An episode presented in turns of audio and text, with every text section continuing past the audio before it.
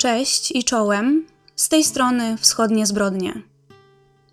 Tematem dzisiejszego odcinka będzie historia, która chodziła za mną od lat, dlatego że na pierwszy rzut oka splot wydarzeń, zbiegi okoliczności, podjęte decyzje i ich następstwa wydają się zbyt nieprawdopodobne, żeby mogły się wydarzyć w prawdziwym życiu. Bardziej się nadają na scenariusz filmowy. Opowieść jest bardzo smutna i tragiczna, a do tego wielowątkowa, więc postaram się ją przedstawić w sposób jak najbardziej chronologiczny i rzeczowy. Mam nadzieję, że się uda. Oszczędzę wstępu, bo mamy wiele do omówienia. Zaczynamy. Historia rozpoczyna się na początku lat 2000 w Republice Baszkortostan, która wchodzi w skład Federacji Rosyjskiej i położona jest na jej południowym zachodzie w części europejskiej. Na Baszkortostan często mówi się również Baszkiria i z ciekawostek jest to największa pod względem liczby ludności republika będąca subiektem Federacji Rosyjskiej. Jej populacja obecnie wynosi ponad 4 miliony osób. Stolicą republiki jest miasto Ufa, dosyć duże, z populacją sięgającą ponad milion osób. Właśnie o stolicy będziemy mówić, a dokładniej o tym, że w Ufie od końca lat 90. funkcjonuje Komitet do Spraw UNESCO.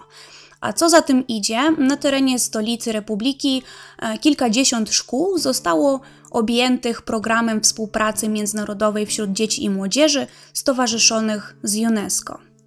Podejrzewam, że na pewno kojarzycie o co chodzi z tymi szkołami stowarzyszonymi i ogólnie z UNESCO.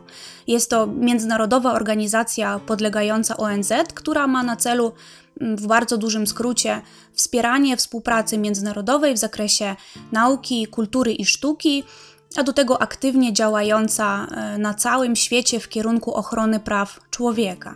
Każda szkoła czy inna placówka edukacyjna po przystąpieniu do sieci szkół stowarzyszonych jest zobowiązana do trzymania się konkretnych zasad i norm, jeśli chodzi o kształtowanie programu edukacji, e, musi brać udział w międzynarodowych projektach, zapewnić odpowiedni poziom e, i jakość edukacji, e, musi zapewnić też e, przekazanie odpowiedniej wiedzy uczniom na tematy ważne dla UNESCO, czyli jak wspominałam, prawa człowieka, mm, do tego zrównoważony rozwój, mm, problemy światowe.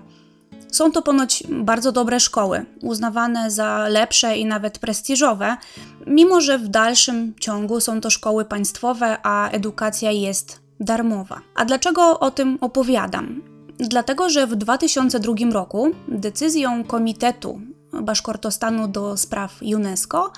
Grupa mm, składająca się z około 50 uczniów mm, takich szkół w UFie została wyróżniona przez ten komitet za świetne wyniki w nauce, udział w olimpiadach i konkursach, a nagrodą dla tych uczniów miała być wycieczka do Hiszpanii, e, finansowana w 100% z budżetu Republiki i budżetu komitetu.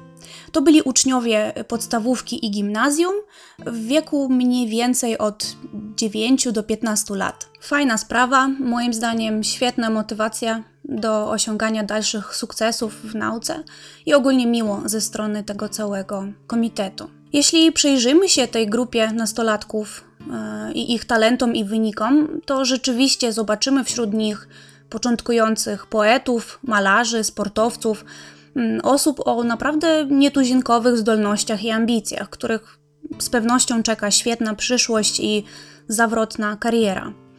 Nie doszukałam się informacji, na czym dokładnie polegał proces wyróżnienia poszczególnych uczniów. Być może byli jakoś nominowani przez e, swoich nauczycieli albo zorganizowano konkurs, nie mam pojęcia. Natomiast po zapewne takim skrupulatnym wyborze najlepszych z najlepszych, ostatecznie utworzyła się taka grupa 50 uczniów, która w towarzystwie mm, pięciu dorosłych miała w lipcu 2002 roku wyruszyć e, w tą niezwykłą i ekscytującą na pewno podróż do Hiszpanii, mm, dokładniej na północny wschód do regionu Costa Dorada.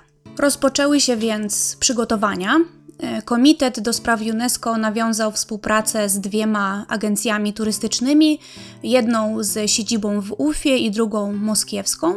I te firmy miały wspólnie zająć się e, formalnościami związanymi z wyjazdem, pomóc w uzyskaniu wiz do Hiszpanii, sporządzeniem pełnomocnic, podejrzewam, no, ponieważ grupie miało towarzyszyć tylko pięciu dorosłych, trzech rodziców, nauczycielka i chyba przedstawicielka tej. Yy, agencji turystycznej, więc reszta rodziców musiała udzielić y, pewnie zgody na samotny wyjazd swoich pociech w towarzystwie opiekunów.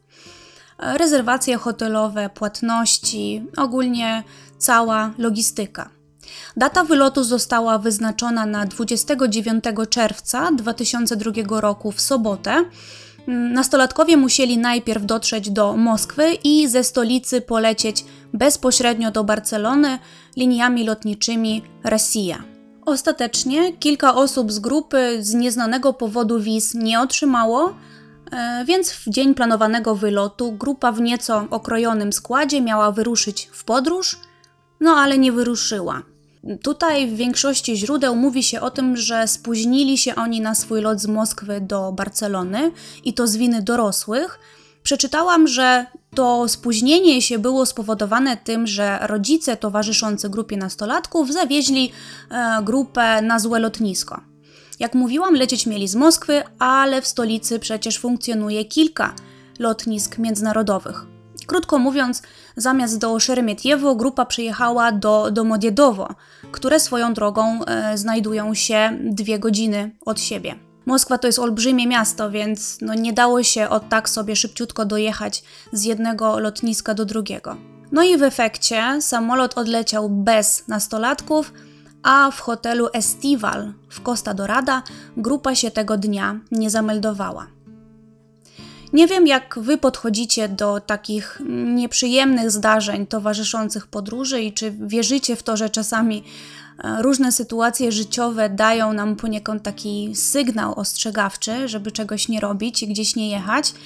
Ja wierzę i być może w tej sytuacji, zwłaszcza kiedy no nie jest to wycieczka z rodziną, tym bardziej za własne pieniądze, a nie jako nagroda z budżetu republiki, może bym odpuściła a bardziej pewnie moi rodzice by odpuścili, bo te dzieci i nastolatkowie, jakby nie patrzeć, samodzielnie żadnych decyzji w tej sytuacji podejmować nie mogli. No ale nie odpuścili, bo okazało się, że duża część grupy, która miała lecieć do Barcelony, to to były latorośle osób wysoko postawionych w Baszkortostanie. Nie chcę tutaj wchodzić w kolejną dygresję o tym, że mm, wielce prawdopodobne jest, że być może nie tylko liczne talenta miały tutaj znaczenie, jeśli chodzi o wybór tych najlepszych, co mieli do tej Hiszpanii lecieć. Bardzo możliwe, ale no, nie o działanie jakieś tam korupcyjne tutaj chodzi. I oprócz tego do Hiszpanii razem z nastolatkami miało lecieć też kilka osób naprawdę wpływowych, takich e, szych z Baszkortostanu. Na przykład e, szef administracji prezydenta republiki, e, zastępca ministra kultury, dyrektor Komitetu Baszkortostanu do spraw UNESCO i jeszcze kilka innych. Ten fakt zdecydowanie wpłynął na to, że w momencie, kiedy cała wycieczka stanęła pod dużym znakiem zapytania, zaczęły się telefony do UFY, do tego komitetu, z pilną prośbą, żeby jakoś tą sytuację ogarnąć. Cała grupa e, już była na lotnisku, co prawda tym złym, ale jednak spakowani, podekscytowani, a tutaj lipa, wszystko opłacone, cała wycieczka, pobyt w hotelu, wyżywienie. W każdym razie oczekiwano od osób decyzyjnych, żeby jakoś wpłynęły na zaistniały incydent. No, mimo że w wyniku jakiejś opieszałości czy błędu samej grupy, a nie linii lotniczych czy agencji turystycznej. Nie sądzę, żeby dla dzieci zwykłych śmiertelników od razu wszyscy odpowiedzialni stanęliby na wysokości zadania raczej powiedzieliby: No trudno, wracajcie do domów. No, nie tym razem.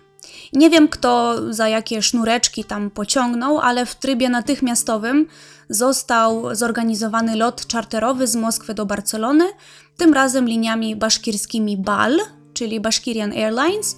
Na lotnisko Moskwa-Domodjedowo został ściągnięty samolot, dokładnie Tu-154M, rocznik e, 1995 oraz wezwano również w trybie pilnym e, załogę rezerwową. Kapitan 52-letni Aleksander Gross przebywał wtedy na urlopie. Otrzymał telefon w momencie, kiedy przybywał w swoim domku za miastem i ponoć podlewał wtedy pomidory. A drugi pilot, 41-letni Murat Itkałow, również miał przerwę i czas spędzał z żoną. E, Do nich dołączyli też inżynier lotu, kierownik obsługi kabiny i cztery stewardessy. Bez względu na to, co w tym momencie robili, zarządzono, by jak najszybciej stawili się na lotnisku gotowi do pracy. Zorganizowanie takiej załogi i przygotowanie się do niezaplanowanego lotu zajmuje jednak trochę czasu. Zanim ściągnięto ludzi, sprawdzono samolot pod kątem technicznym, uzyskano pozwolenie na wykonanie tego lotu. Jedno ze źródeł wspomina, że piloci musieli nawet opracować na symulatorze e, planowaną trasę do Barcelony na lotnisko El Prat. Tymczasem nastolatkowie, którzy zostali poinformowani, że wycieczka się jednak odbędzie, zostali tymczasowo umieszczeni w pobliskim hotelu, no i nie za bardzo już się przejmowali e, spóźnieniem się na swój właściwy lot. Kiedy przygotowania do lotu były już prawie zakończone, okazało się, że w podstawionym samolocie zostały jeszcze wolne miejsca, które postanowiono sprzedać chętnym pasażerom, jeśli by się tacy znaleźli. W ten sposób na pokładzie Tupolewa znalazło się kilka dodatkowych osób y, niezwiązanych z wycieczką z Baszkirii. Y, To była czteroosobowa rodzina Szysłujskich z Białorusi, która przez y, y, opóźniony pociąg do Moskwy również nie zdążyła na swój lot, oraz y, trzyosobowa rodzina Kałojewych, matka z dwójką dzieci która leciała do Hiszpanii z miasta Władykaukaz w odwiedziny do głowy rodziny, który w Hiszpanii pracował od jakiegoś czasu. W Moskwie rodzina Kałojewów miała przesiadkę, ale przez niezbyt sprzyjające warunki pogodowe również spóźniła się na swój lot. Obu rodzinom w pewnym momencie zaproponowano zakup biletów na lot czarterowy do e, Barcelony, tych baszkirskich linii lotniczych, mm, który miał wystartować 1 lipca wieczorem. O godzinie 19.48 czasu lokalnego lot BTC 2937 wystartował z lotniska Moskwa do Modiedowo w kierunku Barcelony. Cała podróż miała trwać około 4 godzin 30 minut. Warunki pogodowe były bardzo dobre. Podejrzewam, że atmosfera w samolocie również. Możemy to sobie wyobrazić, kiedy większość pasażerów to uczniowie. Pewnie mogło to wyglądać trochę jak taka typowa wycieczka szkolna. Ja to tak sobie mniej więcej wyobrażam. Wszyscy podekscytowani, zbliżającymi się wakacjami nad morzem, w towarzystwie kolegów i koleżanek. Mniej więcej w połowie drogi, ponad dwie godziny od startu, kiedy samolot znajdował się w niebie nad południowymi Niemcami przy granicy ze Szwajcarią, kontakt z Tupolewem się urwał i samolot zniknął z radarów. O 21.35, kiedy Tu-154M znajdował się na wysokości 11 km i leciał z prędkością 1300 km na godzinę, blisko granicy Niemiec i Szwajcarii zderzył się w niebie z innym samolotem. Rozpadł się na cztery części i spadł w okolicach wioski Uberlingen w południowych Niemczech w pobliżu jeziora Bodeńskiego. Tupolew z łącznie 69 osobami na pokładzie zderzył się w niebie z Boeingiem 757-200 PF firmy DHL, który odbywał lot transportowy z Mediolanu do Brukseli. Mieszkańcy południowych Niemiec wieczorem 1 lipca 2002 roku byli świadkami strasznej katastrofy. Zobaczyli w niebie ogromną pomarańczowo-czerwoną kulę ognia i mnóstwo kolorowych iskier, po czym usłyszeli przerażający grzmot. Według świadków kolizji w niebie wyglądało to tak, jakby niebo się paliło. Mieszkańcy małego miasteczka na początku nie wiedzieli na co patrzą, ale po chwili zobaczyli, jak na ziemię spadają objęte ogniem części samolotów. Oba statki powietrzne rozpadły się na kawałki jeszcze w niebie, a ich części wylądowały na obszarze ponad 40 km przy granicy Niemiec ze Szwajcarią. Pierwszą reakcją na tak przerażający wypadek jest szok. Za chwilę w głowie pojawia się oczywiste pytanie: jak? W jaki sposób w niebie, w ogromnych przestworzach, na wysokości przelotowej ponad 10 tysięcy metrów, mogło dojść do zderzenia? Historia oczywiście zna takie przypadki, ale jest ich na tyle niewiele, że gubią się wśród ilości lotów, które odbywają się każdego dnia na świecie. Ewidentnie doszło do strasznej katastrofy, w której zginęli wszyscy znajdujący się na pokładzie obu samolotów. Nie ulega wątpliwości, że przy takiej prędkości, wysokości i sile zderzenia szanse na przeżycie są zerowe. Zanim jednak przejdę do reakcji Niemiec i Rosji na katastrofę, do pracy licznych ratowników, policji i wolontariuszy na miejscu, cofnijmy się nieco w czasie, żeby się przyjrzeć temu, co się stało w niebie nad jeziorem Bodeńskim e, w lipcu 2002 roku i w jaki sposób współczesne samoloty korzystające z licznych systemów bezpieczeństwa, radarów i pomocy operatorów e, z ziemi mogły się zderzyć powodując jeden z najtragiczniejszych wypadków lotniczych w historii lotnictwa cywilnego Niemiec. 1 lipca o 21.06 z niewielkiego lotniska Bergamo pod Mediolanem wyruszył Boeing 757-200PF rocznik 1990 firmy DHL, jak wspominałam, lot transportowy, który zmierzał w kierunku Brukseli. Na jego pokładzie są tylko dwie osoby. To jest pierwszy kapitan Paul Phillips i drugi Brent Campioni. Już 15 minut po starcie Boeing opuszcza włoską przestrzeń lotniczą i od tego czasu są nadzorowani przez e, Służbę Bezpieczeństwa Powietrznego w Curychu, a dokładnie przez szwajcarską firmę Skyguide. Tego wieczora na nocnej zmianie w Skyguide pełnią służbę dwaj panowie – szwajcarscy kontrolerzy ruchu lotniczego. Wieża kontroli lotów znajduje się w Curychu i jest odpowiedzialna za obszar Szwajcarii Wschodniej i części południowo-zachodniej Niemiec. Głównym kontrolerem jest 34-letni Peter Nielsen, a pomaga mu dyspozytor i asystentka. W pewnym momencie, po godzinie 21, dyspozytor udaje się na przerwę, zostawiając e, Nielsena samego w miejscu pracy. Według źródeł praca Nielsena wtedy miała polegać na obserwowaniu i kontrolowaniu ruchu samolotów w niebie nad ich obszarem oraz tych lądujących w, na pobliższym lotnisku Friedrichshafen, śledząc dwa osobne radary.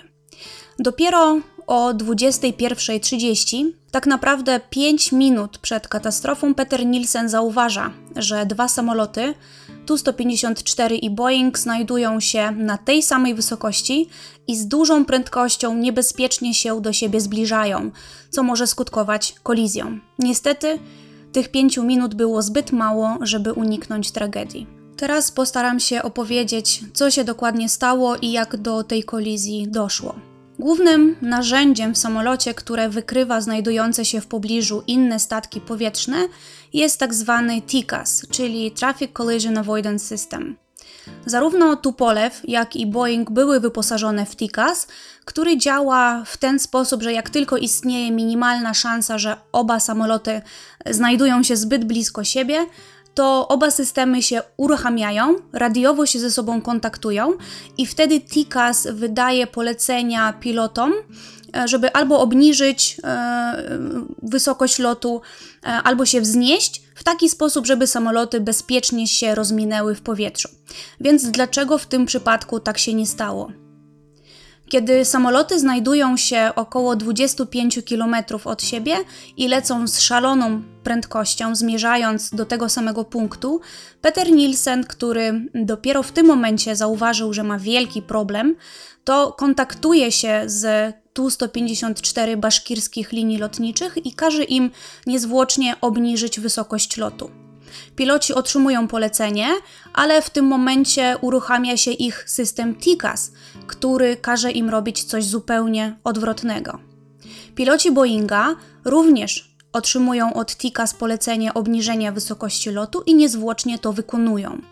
Jak wspominałam, e, systemy samolotów znajdujących się w powietrzu kontaktują się ze sobą za pomocą nieznanej mi magii i wydają polecenia jednemu do góry, drugiemu w dół.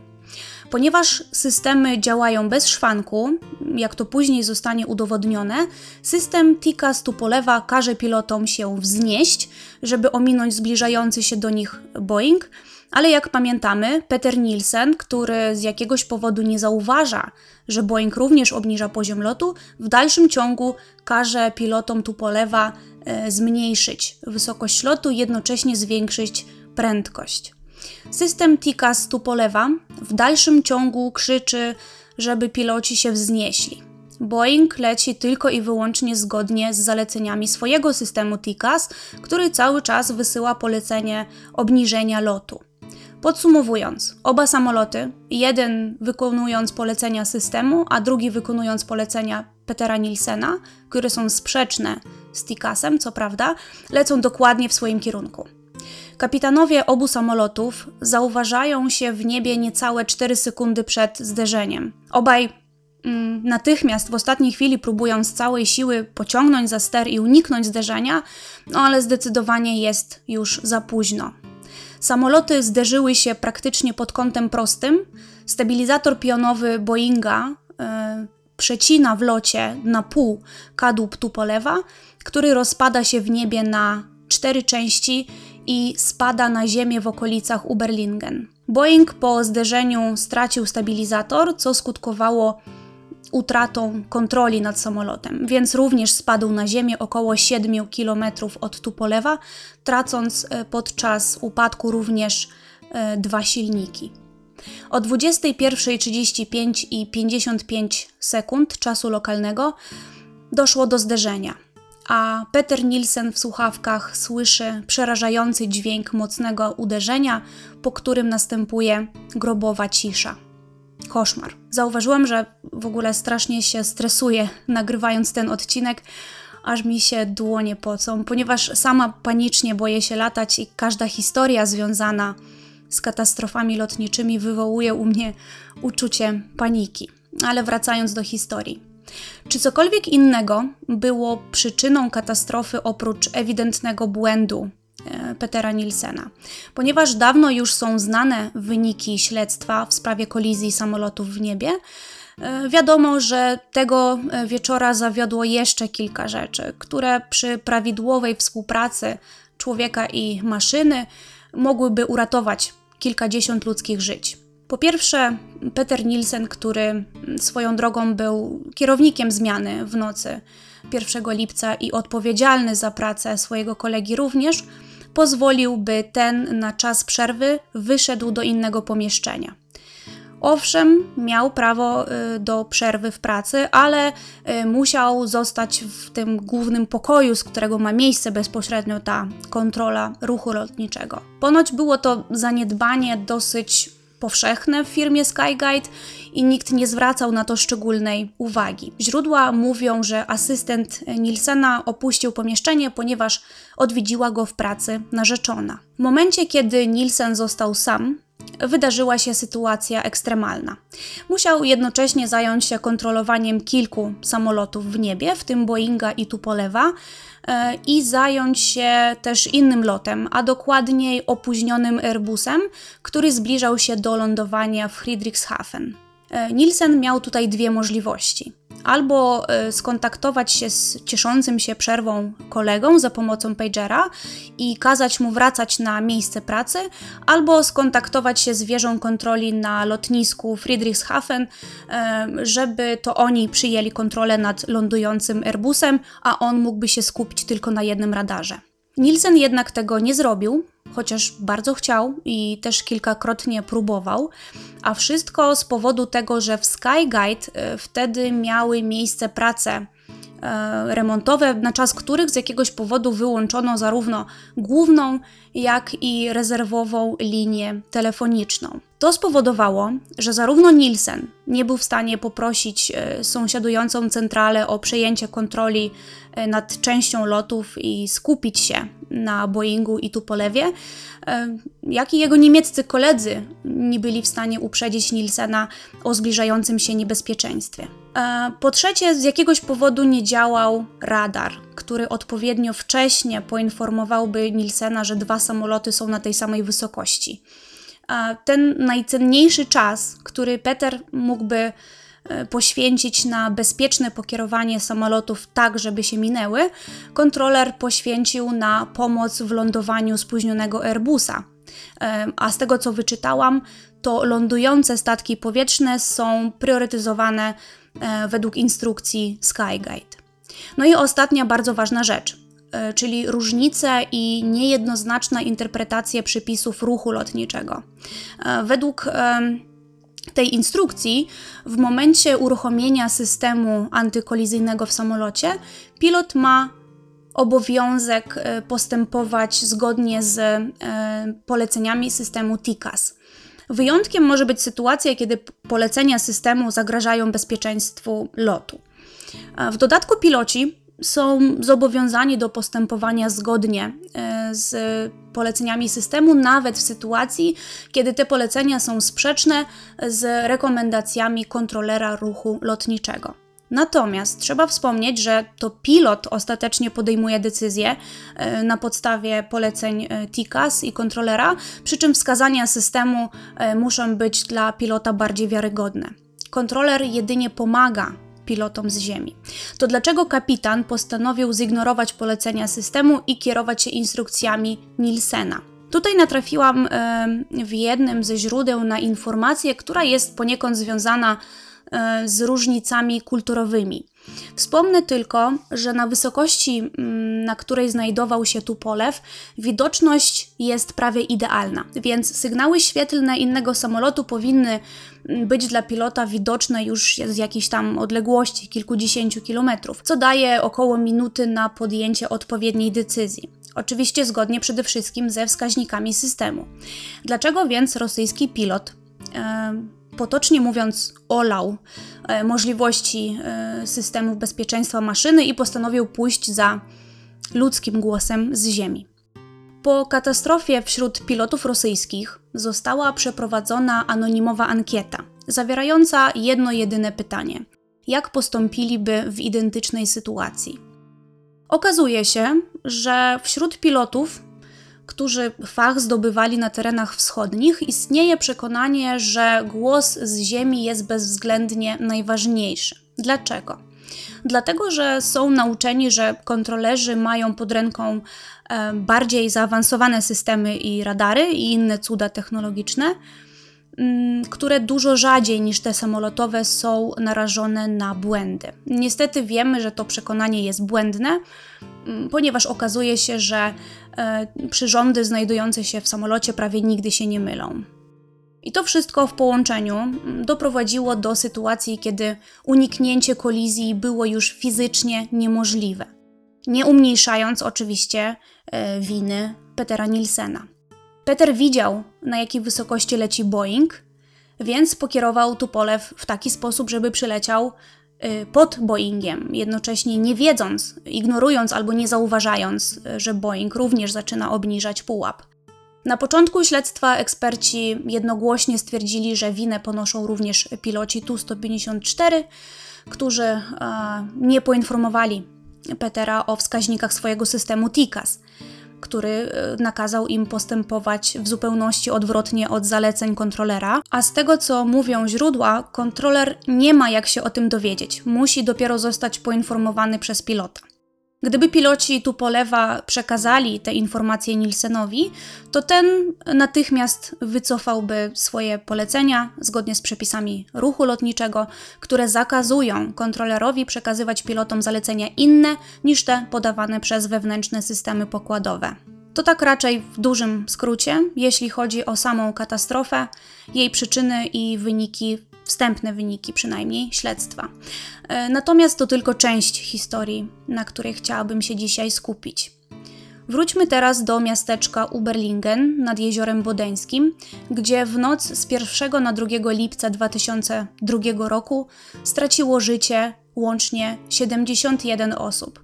69 znajdujących się w Tupolewie i dwóch pilotów transportowego Boeinga. Pamiętacie, jak mówiłam, że po zorganizowaniu lotu czarterowego dla najzdolniejszych nastolatków e, z Baszkortostanu kilka wolnych miejsc e, sprzedano dwóm rodzinom. Rodzinie e, Szysłujskich z Białorusi i Kałojewów z Władykaukazu. Otóż tragiczna śmierć w katastrofie tych drugich spowodowała, że postanowiłam opowiedzieć o tej historii w podcaście kryminalnym. No, mimo że już sam opis katastrofy, moim zdaniem, mrozi krew w żyłach, a szczególnie w moich. Na pokładzie Tu-154, lecącego z Moskwy do Barcelony, znajdowała się Swietłana Kałojewa, matka dwójki dzieci. 11-letniego Konstantyna i 4-letniej Diany. Dzieci leciały razem z mamą w odwiedziny do swojego ukochanego ojca Witalija, który w tamtym momencie pracował w Hiszpanii. E, chcę się co nieco skupić na tej rodzinie, ponieważ w dalszej części odcinka poświęcę im dużo uwagi. E, I o ile nie znacie tej historii, e, to dowiecie się dlaczego, ale nie wyprzedzajmy faktów. Witalij Kałojew, głowa rodziny, który przybył na lotnisko w Barcelonie 2 lipca, żeby odebrać długo wyczekiwaną rodzinę z lotniska. Był wtedy, w 2002 roku, 56-letnim mężczyzną, który urodził się w mieście Władykaukaz, stolicy Osetii Północnej. Był najmłodszy e, w wielodzietnej rodzinie. Oboje rodziców związani byli z pedagogiką. Ojciec uczył języka osetyńskiego w szkole, a mama pracowała w przedszkolu. Witali był niezwykle zdolnym uczniem, Ukończył szkołę z wyróżnieniem, po czym dostał się na studia architektoniczne, o których e, swoją drogą marzył i które też ukończył z całkiem niezłymi wynikami. Po rozpadzie ZSRR, w czasach niezwykle trudnych i niepewnych, zdołał założyć własną firmę budowlaną. W 1991 ożenił się ze Swietłaną, absolwentką studiów ekonomicznych, która zrobiła niezłą karierę w finansach. Zaczęła pracę jako zwykły e, pracownik banku i po niedługim czasie objęła stanowisko kierownika oddziału. Jeśli popatrzymy na tradycję Kaukazu w temacie zakładania rodziny, to Witalij ożenił się dosyć późno, ale według niego spowodowane to było tym, że nie chciał się żenić, dopóki e, nie osiągnął pewnego poziomu finansowego, który pozwoliłby mu utrzymać żonę i dzieci. Anegdotka z dnia, kiedy spotkał Swietłanę, miłość swojego życia, jest taka, że uczucie zrodziło się między nimi wtedy, kiedy Witali, początkujący przedsiębiorca, udał się do młodej kobiety w celu uzyskania kredytu na rozwój biznesu budowlanego. Jak wspominałam, e, para miała dwójkę dzieci, syna i córkę. Witali był dobrym i oddanym rodzinie ojcem, choć czasem, przynajmniej wobec syna, stosował dosyć srogie metody wychowania.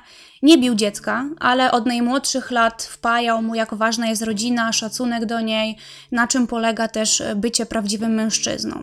Oczkiem w głowie Witalija Kałojewa była córeczka Diana. Dzień jej narodzin wspomina jako najszczęśliwszy dzień swojego życia. Wynika to z tego, że po urodzeniu się syna para bardzo długo starała się o kolejne dziecko, na tyle długo, że oboje zdążyli stracić nadzieję. Witalij wtedy już dobrze zarabiający biznesmen i bardzo oddany wierze człowiek za własne środki wybudował w rodzinnym mieście cerkiew, w której później wraz z żoną Swietłaną modlili się do Boga o podarowanie im kolejnego potomka. Niedługo po tym Swietłana zaszła w ciążę z Dianą, a jej pojawienie się na świat było dla pary istnym błogosławieństwem. Rodzina była zgrana, i też jak na tamte czasy całkiem dobrze zarabiająca. Oboje rodziców pieli się po kolejnych szczeblach kariery, aż do roku 98, kiedy kryzys finansowy mocno uderzył w małe przedsiębiorstwa, na czym Witalij Kałojew mocno ucierpiał.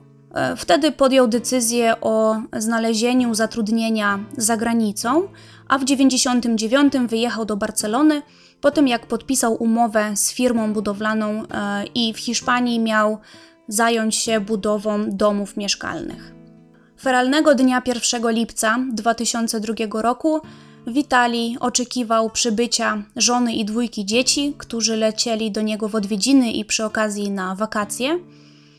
Nie widział swojej rodziny od 9 miesięcy, bardzo za nimi tęsknił i tego dnia w pracy chciał jak najszybciej e, skończyć to, co miał do zrobienia, przygotować się też na przywitanie rodziny w mieszkaniu, które wynajmował, po czym udał się na lotnisko. Na miejscu był aż dwie godziny przed planowanym lądowaniem samolotu w Barcelonie. Tak bardzo nie mógł się doczekać e, rodziny, aż znów całą trójkę zobaczy i będzie w stanie po tak długim czasie, po tak długiej rozłące wreszcie przytulić swoje dzieci i żonę. Im bardziej zbliżał się czas lądowania Tu-154 na lotnisku El Prat, tym bardziej zwiększał się czas opóźnienia, który widniał na tablicy przylotów na lotnisku. Po jakimś czasie lot BTC 2937 w ogóle zniknął z tablicy. A Witalij starał się na razie nie panikować, wymyślał w głowie różne powody mm, tego, co mogło się stać. Mm, może warunki pogodowe, może jakieś e, śródlądowanie i uparcie czekał, co chwilę udając się do stoiska informacji, nie uzyskując jednak od pracowników lotniska mm, żadnego wytłumaczenia. Co chwilę Witalij wychodził z lotniska, palił papierosa za papierosem, zastanawiał się, jaki jest powód tak dużego opóźnienia. E, właśnie przypuszcza jakieś awaryjne śródlądowanie, jakieś opóźnienie i co chwilę maltretuje panie obsługujące stoisko z informacjami, ale niestety tamte nie są w stanie mu udzielić jakichkolwiek informacji. Więc Witali no nie ma zbyt dużego wyboru, musi po prostu czekać. W pewnym momencie około dwóch godzin po katastrofie nad jeziorem Budeńskim, o którym nikt z oczekujących na lot BTC 2937 oczywiście nie ma pojęcia, na lotnisko e, w Barcelonie przyjechał e, taki pan, jakiś tam przedstawiciel lotniska i zaprosił wszystkich oczekujących do osobnego pomieszczenia. Tam Witali Kałojew usłyszał najstraszniejsze w jego życiu słowa doszło do katastrofy. Samolot spadł na ziemię niedaleko małego miasteczka na południu Niemiec, blisko granicy ze Szwajcarią. Prawdopodobnie nie ma ocalałych i to tyle, co ten człowiek miał do przekazania rodzinom. Większość obecnych, oczekujących na ten lot, wpadła po prostu w panikę. Słychać płacz, błagania jakieś o pomoc, modlitwy i przekleństwa. Ale Witali Kałojew jest w tak olbrzymim szoku nie do końca jest w stanie uwierzyć w to, co usłyszał, więc e, włącza mu się tryb postępowania bardziej praktyczny niż emocjonalny. Wychodzi z pełnej bólu i płaczu sali i udaje się wprost do kas. Kupuje bilet na najbliższy lot albo do Zurychu, albo do Friedrichshafen, nie jestem pewna. W każdym razie chce jak najszybciej dostać się do miejsca e, upadku samolotu. Po wylądowaniu Kałojew e, udaje się do wioski Uberlingen. Po przybyciu na miejsce zdarzenia widzi tam już służby i ratowników, którzy na początku no, nie chcą go za bardzo wpuścić na teren, na którym rozrzucone są ciała ofiar i części samolotów. Ten jednak przekonuje ich, że w katastrofie najprawdopodobniej zginęła cała jego rodzina, żona i dzieci, i proponuje swoją pomoc w przeszukaniu terenu a ponieważ pracy na miejscu ratownicy mają całe mnóstwo, Kałujew zostaje wpuszczony i nawet wyznaczony mu zostaje jakiś tam teren do przeszukania. Kiedy objęte płomieniem części Tu-154 spadły w nocy na ziemię, spowodowały one liczne zniszczenia w okolicznych wioskach. Między innymi zapalił się budynek szkoły, jakaś działka rolna i kilka domów. Cudem udało się uniknąć ofiar wśród mieszkańców tej okolicy Uberlingen. Według źródeł podwozie jednego z samolotów spadło dosłownie kilka metrów od domu mieszkalnego, a metalowe części maszyn wielkości tira e, spadając uszkodziły pobliższe budynki. Dopiero godzinę po katastrofie władze niemieckie podały do wiadomości publicznej pierwsze informacje dotyczące prawdopodobnej liczby ofiar. Witalij Kałojew przybył na miejsce nad ranem. Był pierwszym bliskim ofiar, który zobaczył miejsce katastrofy. Mężczyzna przyjechał na tyle wcześnie, że było jeszcze ciemno. W niebie nad Uberlingen krążyły helikoptery, próbując ustalić dokładniejszy obszar, który należało przeszukać. Większość ciał nie została jeszcze wtedy odnaleziona wśród części samolotu. Policjanci, których było już kilkaset na miejscu, dopiero co rozpoczęli przeszukiwanie terenu. Robili zdjęcia, identyfikowali i zaznaczali miejsca, w których leżały zwęglone ciała ofiar katastrofy. Witali Kałojew podążał za nimi i jego oczom ukazywały się rzeczy osobiste i kolejne ciała, jeszcze przypięte do foteli. Wśród nich Witali poszukiwał ciał członków swojej rodziny. Ten obszar do przeszukania był ogromny. Jak wspominałam, to były dziesiątki kilometrów kwadratowych, które najpierw należało ogrodzić, zabezpieczyć, a potem przeszukać, metr po metrze. W tym celu ściągnięto policjantów, ratowników, strażaków z okolicznych miejscowości. Łącznie na miejscu już pierwszego dnia po katastrofie, czyli 2 lipca, pracowało ponad tysiąc osób. Na drugi dzień poszukiwań niemieccy policjanci zaprowadzili Witalija Kałojewa na miejsce odnalezienia ciała jego córki. Wciąż była przypięta do fotela, a jej ciało było prawie w nienaruszonym stanie. Wyglądała jakby po prostu spała, jedynie widoczna była rana na podbródku. Witali padł w tym miejscu na ziemię w rozpaczy i takim poczuciu bezsilności. Pod dłońmi na ziemi poczuł pojedyncze koraliki z rozerwanego naszyjnika, który w dniu katastrofy miała na sobie jego córka Diana. Dużo bardziej poturbowane i zwęglone wręcz nie do poznania ciała jego żony i syna zostały znalezione kilka dni później. 2 lipca, kiedy o strasznej katastrofie wiedział już cały świat, na miejsce zaczęli przyjeżdżać członkowie rodzin ofiar, zaczęli przylatywać z Rosji, a mieszkańcy pobliskich wiosek oferowali im pomoc, jaką mogli, na przykład nocleg, jakieś wyżywienie. W trybie pilnym też były wydawane wizy do Niemiec rodzinom ofiar, którzy chcieli jak najszybciej dotrzeć na miejsce. Zostały też podane numery telefonów dla rodzin ofiar, na które mogli dzwonić i uzyskiwać informacje. Dopiero następnego dnia rozpoczął się proces identyfikacji ciał ofiar przez ich rodziny. A ponieważ duża większość zginęła natychmiast po zderzeniu się samolotów e, w wyniku wybuchu, to ciała były naprawdę w okropnym stanie. Do identyfikacji potrzebne były badania DNA, e, pobierane były próbki od członków rodzin na miejscu, czekano na wyniki. E, większość rodziców otrzymała ciała swoich dzieci w zamkniętych grobach. Po tym, jak dobiegła końca identyfikacja ciał ofiar katastrofy, najpierw 8 lipca, a później 12 lipca do Ufy przyleciały e, dwa samoloty, które przetransportowały mm, te ciała z powrotem do Republiki Baszkortostan. Na cmentarzu południowym w Ufie odbył się pogrzeb 52 dzieci i 5 dorosłych i w miejscu pochówku również postawiono pomnik ofiar strasznej katastrofy. Pasażerów lotu BTC 2937 pochowano w ten sposób, żeby ich nagrobki były ulokowane zgodnie e, z rozplanowaniem ich miejsc w Tupolewie feralnego dnia. W południowych Niemczech, gdzie spadły części samolotu, również powstał pomnik. Leżące na ziemi ogromne metalowe kule połączone nicią, które miały przypominać um, rozrzucone po ziemi koraliki z naszyjnika Diany, córki Witalia Kałojewa.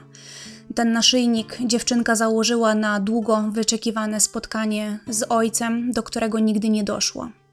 Jeśli chodzi o pogrzeb rodziny Kałojewych, Swietłany i dwójki dzieci, to odbył się on w ich rodzinnym mieście, Władykaukazie, a udział w pogrzebie wzięło kilka tysięcy osób. Córeczka Witalia była ubrana w białą sukienkę, a we włosy miała wplecione kwiaty. Natomiast żona i syn Witalia pochowani byli niestety w zamkniętych grobach. Na miejscu, gdzie spoczywa matka z dziećmi, e, stoi dosyć pokaźny nagrobek z wygrawerowaną podobizną całej trójki. Palą się znicze, a przy tym nagrobku cały czas leżą piękne wieńce i zabawki. Po śmierci całej swojej rodziny, Kałojew nie miał siły cokolwiek ruszyć w ich wspólnym mieszkaniu. Wszystko e, na początku tam wyglądało dokładnie tak jak sprzed feralnego 1 lipca 2002 roku. Jedyną różnicą było to, że na łóżkach Swietłany, Konstantyna i Diany pojawiły się ich duże portrety i w kubkę są złożone rzeczy osobiste, które dla każdego z nich były najważniejsze. A Witalij Kałojew pogrążył się w ogromnej, ogromnej żałobie. Na początku lipca 2002 roku, właściwie to kilka dni po katastrofie, rozpoczęło się śledztwo, które potrwało dwa lata, a jego wyniki opublikowano w raporcie 1 maja 2004 roku. Dane z tego raportu wskazują na ewidentny błąd Petera Nielsena, który nie był w stanie zapewnić bezpiecznego ominięcia się samolotów w powietrzu oraz wskazują też na błąd załogi Tupolewa, e, która postępowała wbrew zaleceniom systemu e, TICAS. Wskazano również liczne błędy kierownictwa Skyguide oraz Międzynarodowej Organizacji Lotnictwa Cywilnego. To wszystko było możliwe dzięki temu, że w trakcie poszukiwań e, na miejscu upadku samolotów odnaleziono wszystkie cztery czarne skrzynki, co pozwoliło na odtworzenie ostatnich kilku minut przed kolizją w niebie. Wróćmy teraz do wydarzeń po katastrofie. Jest to bardzo ważne e, dla tej całej historii. Dopóki trwało śledztwo, a rodziny ofiar czekały na ustalenie oficjalnej przyczyny katastrofy, na wskazanie osób odpowiedzialnych, firma Skyguide, w której pracował Peter Nielsen, za żadne skarby nie chciała się przyznać do błędu swojego pracownika i e, nie brała na siebie żadnej odpowiedzialności za tragiczne wydarzenie 1 lipca. Tymczasem rodzice nastoletnich pasażerów e, Tupolewa oczekiwali mm, reakcji ze strony Skyguide i na ich oficjalne stanowisko w całej sprawie. A dokładnie to czekali na przyznanie się do winy i tak naprawdę na publiczne przeprosiny. Ale warto wspomnieć, że e, pierwszą reakcją Skyguide było oskarżenie rosyjskich pilotów o e, słabą znajomość języka angielskiego co zdaniem kierownictwa firmy było główną przyczyną tragedii, że oni niby się nie dogadali z tym Peterem Nielsenem. Natomiast temu zaprzeczyły później dane z czarnych skrzynek. Najbardziej zdeterminowany w tym całym procesie, jak możemy się domyślać, był Witali Kałojew. To był poniekąd jego sposób na to, żeby nie e, zwariować po prostu z tego cierpienia i e, rozpaczy. Kałojew Kilkukrotnie odwiedził siedzibę firmy Skyguide w stolicy Szwajcarii i domagał się on od nich odpowiedniej kary dla pracownika lub pracowników, którzy byli odpowiedzialni za śmierć pasażerów i załogi dwóch samolotów, które nie rozminęły się w niebie nad Uberlingen. Zamiast tego przedstawiciele firmy Skyguide w pewnym momencie wysłali list do Kałojewa z propozycją wypłacenia przez nich odszkodowania w zamian za wycofanie przez niego wszelkich pretensji wobec firmy i nie robienia już wokół tej historii hałasu, ponieważ e, Kałojew cały czas domagał się procesu. W tym liście dokładnie doprecyzowali o jaką kwotę odszkodowania chodzi i jak się ta kwota ma do śmierci jego rodziny. Uwaga! Zaproponowali 60 tysięcy franków szwajcarskich za żonę, 50 tysięcy za syna i jeszcze 50 tysięcy za małą córeczkę. Po przeczytaniu tego listu Witali wpadł w szał i zaczął po prostu rozwalać w złości i bezsilności wszystko, co mu wpadło e, w ręce. Był oburzony stanowiskiem Skyguide'u e, i tą próbą uciszenia całej sprawy e, i zatuszowania własnych błędów. Podobne listy dostały rodziny wszystkich ofiar katastrofy lotniczej i wtedy rozdzielili się oni na dwa obozy. Jedni popierali Kałojewa i razem z nim domagali się przeprosin i publicznego przyznania się do winy e, przez firmę Skyguide e, i samego Nielsena oczywiście, a drudzy zgodzili się na e, odszkodowanie i przeżywali swoje tragedie w samotności.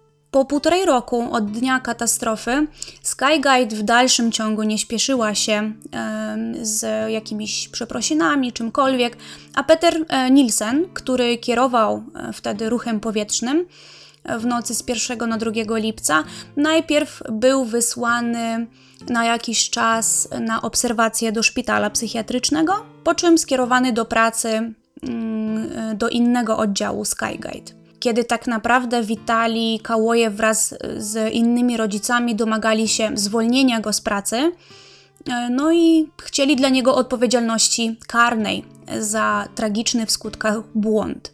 Kierownictwo Skygate, zamiast skupiać się na postaci Nielsena i jego dalszym losie, to bardziej skupiła się chyba na wysokości tego odszkodowania, które proponowała rodzicom e, ofiar. Te kwoty podane na samym początku śledztwa z czasem uległy znacznemu zmniejszeniu, ale jednocześnie firma była gotowa wypłacić obiecane kwoty dopiero w zamian za y, wycofania przez rodziny ofiar wszelkich pretensji do y, Skyguide w dalszym toku śledztwa, no i miało to oczywiście być potwierdzone pisemnie. Tego oczekiwali od rodzin. Jak możemy się domyślać, duża większość poszkodowanych rodzin podziękowała za tą propozycję. Witali Kałojew, który można powiedzieć wiódł prym w procesie domagania się sprawiedliwości, nie przestawał walczyć. E, zrezygnował z odszkodowania, jak mówiłam, niezależnie od kwoty, jaką zaproponowałaby mu firma Skyguide, i w, ponoć w pewnym momencie nawet przestał otwierać i czytać listy, które co chwilę przedstawiciele firmy wysyłali do niego i e, reszty rodzin. Mimo, że śledztwo cały czas trwało, a Kałojew czekał na jego zakończenie i na ujawnienie jego ostatecznych ustaleń, oczywiście też na proces, to cały czas domagał się dla siebie, dla swojej nieżyjącej rodziny i dla wszystkich ofiar katastrofy tych publicznych przeprosin od Skyguide. I z czasem stało się to dla niego kwestią honoru. E, rok po wydarzeniach w Uberlingen Kałojew przyleciał do Curychu i udał się do siedziby Skyguide, gdzie udało mu się spotkać i porozmawiać z dyrektorem firmy Alanem Rosje. W bardzo emocjonalnej rozmowie e, z tym dyrektorem Witali domagał się tego, żeby firma, żeby kierownictwo firmy wreszcie zgodziła się z tym, że gdyby kontroler lotniczy nie dawał pilotom poleceń sprzecznych ze wskazówkami e, systemu i gdyby był bardziej uważny, gdyby zwrócił uwagę na to, że Boeing również się obniża, kiedy on każe się obniżać e, Tu-154, to dwa samoloty bez problemu e, minęłyby się w nocnym niebie. Z czym ostatecznie dyrektor firmy się zgodził. Czy to wystarczyło, żeby uśmierzyć ból cierpiącego ojca? Wcale nie, bo w dalszym ciągu te słowa padły nieoficjalnie, tylko w prywatnej rozmowie Kałujewa z dyrektorem Skygate. Widząc brak jakichkolwiek postępów, jeśli chodzi o komunikację z firmą Skyguide, to e, po powrocie do Rosji Witali zaczął korespondencyjnie domagać się spotkania z Peterem Nielsenem, na co w listopadzie 2003 roku otrzymał pisemną, oficjalną odpowiedź jego prawników, że do spotkania nie dojdzie i ani on, ani Skyguide nie mają za co przepraszać Witalija Kałujewa ani reszty rodzin ofiar. Witali jednak nie odpuścił i postanowił odnaleźć winnego e, kontrolera lotów i wymusić na nim przyznanie się do winy i wymusić na nim te przeprosiny. Jak sam wspomina, chciał popatrzeć mu w oczy, zobaczyć chociaż odrobinę skruchy. Chciał się przekonać, że kontroler lotów rozumie, chociaż troszkę, ogrom bólu i cierpienia, z którym każdego dnia musi się zmierzać zrozpaczony ojciec. Znalezienie adresu Petera Nielsena nie było zbyt trudne. Co prawda, Kałojew musiał się zwrócić o pomoc do biura detektywistycznego i wybulić za usługę niemało pieniędzy. E, po jakimś czasie Kałojew był już w posiadaniu niezbędnych mu informacji, a później, wykorzystując znajomości we Władykaukazie, Kałojew kupił paszport e, na imię Wasilija Głuchowa i pod tym nazwiskiem poleciał do Szwajcarii w obawie, że mogą go po prostu do tej Szwajcarii nie wpuścić. 24 lutego 2004 roku Witalij Kałojew pojawił się przed domem Petera Nielsena.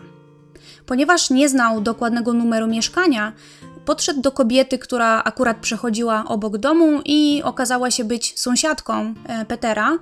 Witali pokazał jej kartkę, na której wielkimi literami napisane było imię i nazwisko osoby, którą poszukiwał, a kobieta wskazała mu odpowiednie drzwi.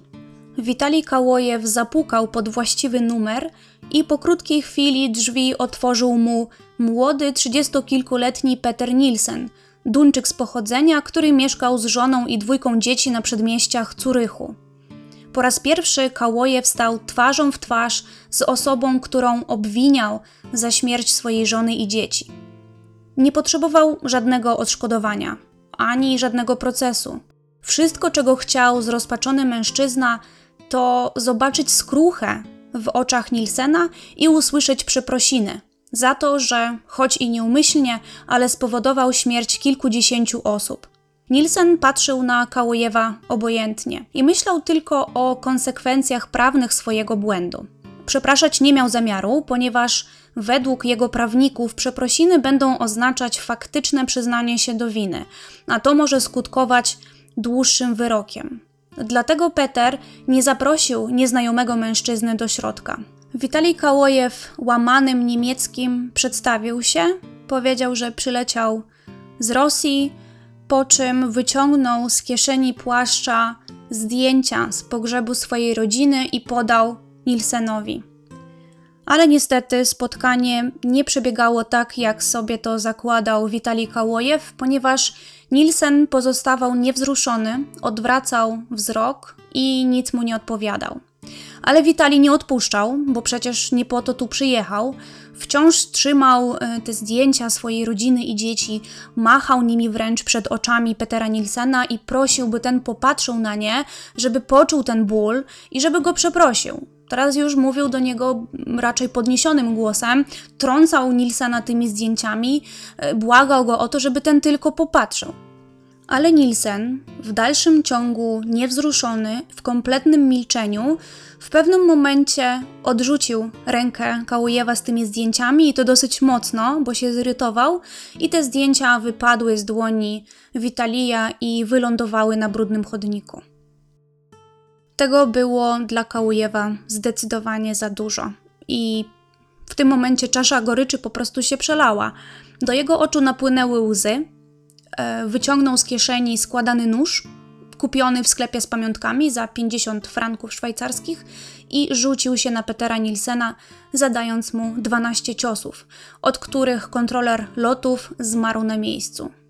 Kiedy było już po wszystkim, Witalij Kałojew nie myślał o tym, żeby w jakiś sposób spróbować zatrzeć ślady przestępstwa. Narzędzie zbrodni wyrzucił kilka metrów przed domem, swojej ofiary, zapalił papierosa i nieśpiesznym krokiem ruszył w kierunku hotelu. Wszedł do pokoju i czekał na aresztowanie. Nieżyjącego już Petera Nilsena znalazła na ziemi przed wejściem do domu jego żona i natychmiast wezwała pogotowie i policję. Swoją drogą, jakiś czas przed wizytą Kałojewa, Peter Nielsen został poinformowany przez swoich prawników o tym, że jeden z rodziców ofiar katastrofy aż za bardzo interesuje się jego osobą. Więc nieco przerażony Peter zakupił w celach samoobrony pistolet, który każdego dnia nosił przy sobie, kiedy szedł do pracy. Lecz tego dnia Nielsen został totalnie zaskoczony wizytą Kałojewa, a pistolet leżał zamknięty w sejfie w sypialni państwa Nilsenów. Policjanci zapukali do pokoju Witalija Kałojewa w hotelu przy lotnisku rano następnego dnia. Jak wspomina sam Kałojew, miał on możliwość ukryć się przed policją, albo zatrzeć ślady przestępstwa, albo nawet opuścić Szwajcarię przed aresztowaniem, ale świadomie tego nie zrobił. Wiedział, że czeka go aresztowanie i proces, był na to przygotowany, ale najbardziej to nie chciał wyglądać na kogoś, kto e, popełnił czyn przestępczy, ale przestraszył się konsekwencji e, swoich działań i uciekł. W wywiadzie opowiedział, że wierzy, że kiedyś, kiedy opuści ten świat, to na pewno po drugiej stronie spotka się ze zmarłymi członkami swojej rodziny i nie chce w ich oczach wyglądać na tchórza. Po aresztowaniu mężczyzny rozpoczęło się śledztwo w sprawie zabójstwa Petera Nilsena.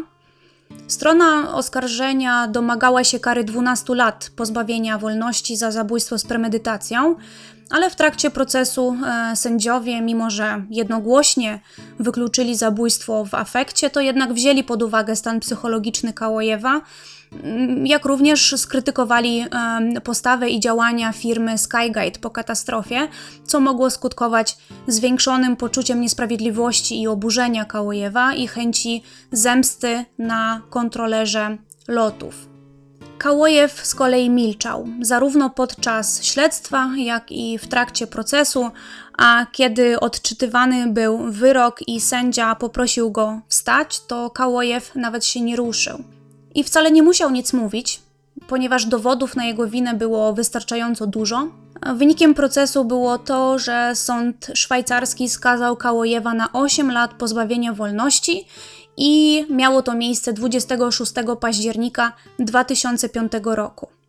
Witalij Kałojew został zwolniony warunkowo 8 listopada 2007 roku. Łącznie spędził za kratami niecałe 4 lata i już tydzień po zwolnieniu Kałojew wrócił do Osetii Północnej, gdzie został przywitany przez tłum ludzi niemalże jak prawdziwy bohater. Jeżeli chodzi o samą firmę Skyguide, to proces przeciwko pracownikom firmy rozpoczął się w maju 2006 roku i wtedy na ławie oskarżonych znalazło się 8 osób. Ostateczna decyzja sądu zapadła we wrześniu 2007 roku. Czterech menedżerów Skyguide usłyszało zarzuty nieumyślnego spowodowania śmierci, a jeśli chodzi o wyroki, to trzech menadżerów e, otrzymało e, wyroki w zawieszeniu, jeden e, dostał karę grzywny, a cztery osoby były zwolnione z aresztu i nie udowodniono im żadnej winy. Linie lotnicze Baszkiri, które feralnego 1 lipca 2002 roku zabrały lotem czarterowym kilkadziesiąt nastolatków na wycieczkę do Barcelony, która niestety zakończyła się tragedią, nie były w stanie już się podnieść po katastrofie, która no, na zawsze wpisała się e, do historii tego przewoźnika. A ponieważ wina pilotów Tupolewa również została udowodniona, to decyzją sądu linie lotnicze musiały wypłacić po 33 tysiące franków szwajcarskich za każdą ofiarę kolizji samolotów. Wkrótce po tragedii sprzedaż biletów drastycznie spadła i niedługo później Bashkirian Airlines zbankrutowały i zakończyły swoją działalność. Przygotowując się do tego odcinka, weszłam na stronę internetową firmy Skyguide, która funkcjonuje do dzisiaj i ma się całkiem dobrze, bo byłam ciekawa, czy znajdę cokolwiek na temat katastrofy na stronie. W zakładce Historia firmy po odszukaniu roku 2002 znajdziemy bardzo krótką wzmiankę na temat wydarzeń lipcowych. Brzmi ona tak. 1 lipca 2002 roku dwa samoloty zderzyły się nad Uberlingen i jeziorem Bodeńskim. 71 osób zginęło. Tragiczny wymiar tego wypadku oraz następujących wydarzeń w znaczący sposób zmieniło podejście do bezpieczeństwa w szwajcarskim i międzynarodowym lotnictwie. Nasze zarządzanie i kultura bezpieczeństwa zrobiło od tego czasu ogromny krok do przodu. Bardzo lakonicznie. Powiem też trochę o y, tym wydarzeniu w kulturze masowej. Otóż powstały dwa filmy fabularne przedstawiające wydarzenia lipcowe 2002 roku.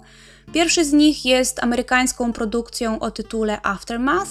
Polski tytuł to Po katastrofie z 2017 roku. W tym filmie główną rolę, postać zrozpaczonego ojca szukającego zemsty, zagrał Arnold Schwarzenegger. Sam Witalij Kałojew, zapytany o to, co myśli na temat ekranizacji, powiedział, że jest bardzo rozczarowany, ponieważ mimo ukazania tam postaci kontrolera ruchu lotniczego, który popełnia straszny błąd, to jednak w filmie główną przyczyną katastrofy jest raczej zbieg przeróżnych okoliczności, a nie e, błąd Nielsena. E, a rok później, w 2018, powstał też film fabularny produkcji rosyjskiej o tytule Niewybaczony. Nie oglądałam tego filmu, ale przeczytałam, że w rosyjskiej ekranizacji Nie ma już miejsca na półśrodki. Tragedia Kałojewa jest przedstawiona w sposób mm, najbardziej tragiczny, jak tylko się da, a widz ani przez sekundę nie ma wątpliwości co do postaci odpowiedzialny za tą tragedię. Powstała też książka w 2017 roku autorstwa Ksenii Kaspari o tytule Zderzenie prawdziwa historia Witalija Kałojewa. Książki nie czytałam, ale wiem, że była ona pisana w ścisłej współpracy z Kałojewem, który szczegółowo opisuje przebieg y, wydarzeń z własnej perspektywy. Książka nie opisuje losów innych ofiar, tylko skupia się na jego rodzinie. E, I szczerze powiedziawszy, to nawet nie wiem, czy była ona wydana w innych językach niż tylko rosyjski. Wróćmy jeszcze na chwilę do Kałojewa. Co się z nim stało po wyjściu z więzienia w 2007 roku? Otóż wrócił on do Osetii Północnej, gdzie był wyczekiwany przez ludzi, jego historia była na ustach wszystkich, a dzień jego powrotu traktowano niemalże jak święto narodowe. W trakcie pobytu w więzieniu Kałojew otrzymywał liczne listy od ludzi z całego świata. Te listy Witaliowi oddane zostały dopiero po wyjściu z więzienia. To były ogromne worki z listami i kartkami z wyrazami współczucia i wsparcia, i ważyły one łącznie ponoć aż 15 kg. Po powrocie do Osetii Kałojew zrobił niezłą karierę. Został w pewnym momencie zastępcą ministra budownictwa republiki. Jest uznawany za bohatera. To, co zrobił, nie jest zbytnio potępiane przez ludzi. Mówi się o nim jako o jedynej osobie, która pomściła pasażerów lotu BTC 2937. Witali Kałojew obecnie jest żonaty. W 2013 roku ożenił się E, po raz drugi. Jego małżonką została 40-letnia Irina Dżarasowa.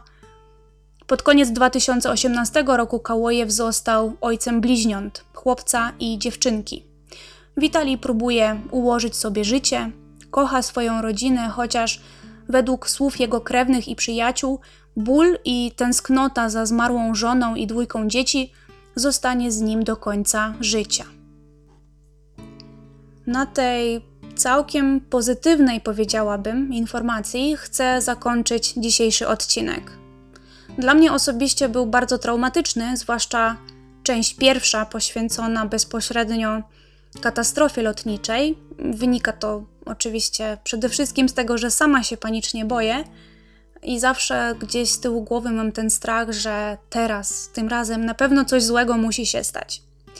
I nawet nie wiem w tej sytuacji, co bardziej boli: czy natychmiastowa tragiczna śmierć kilkudziesięciu osób, z czego większość to utalentowani nastolatkowie, czy bardziej to, jak błąd ludzki zaważył na losach tych ludzi pomimo sprawnie działających systemów antykolizyjnych, e, czy braku jakichkolwiek problemów technicznych w tych samolotach, czy warunków atmosferycznych. Wszystko było ok.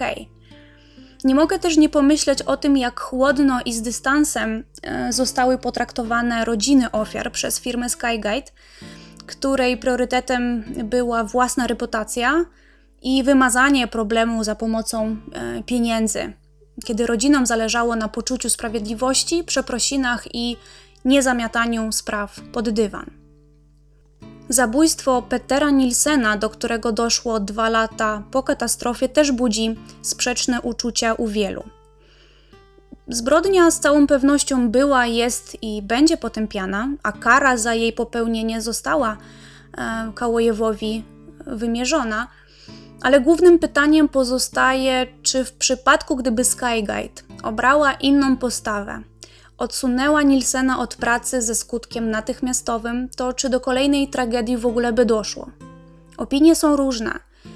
Niektórzy twierdzą, że Kałojew nie wziąłby do ręki noża, nie udałby się do domu Nilsena, gdyby przez dwa lata jego tragedia nie była ignorowana przez stronę szwajcarską. A inni z kolei, że zrobiłby to mimo wszystko, że zamiar wymierzenia sprawiedliwości miał od samego początku w głowie, od dnia tragedii, więc i tak prędzej czy później wziąłby e, i znalazłby kogoś, kogo ukarałby za to, co spotkało jego rodzinę. Po tragedii 2002 roku wprowadzono zmiany i poprawki do obowiązujących przepisów e, ruchu lotniczego, które mają w przyszłości nie pozostawiać żadnych wątpliwości co do decyzji e, pilotów w podobnych sytuacjach.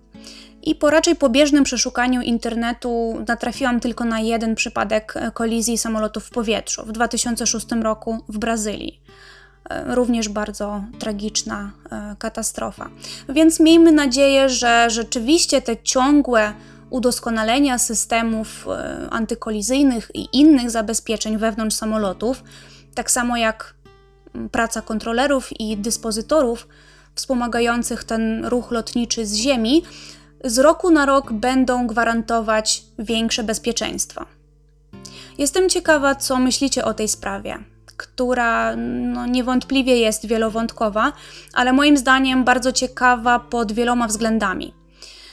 Co myślicie o decyzji Witalija Kałojewa po dwóch latach od tragedii, żeby wymierzyć e, tą sprawiedliwość tak, jak on tą sprawiedliwość pojmował?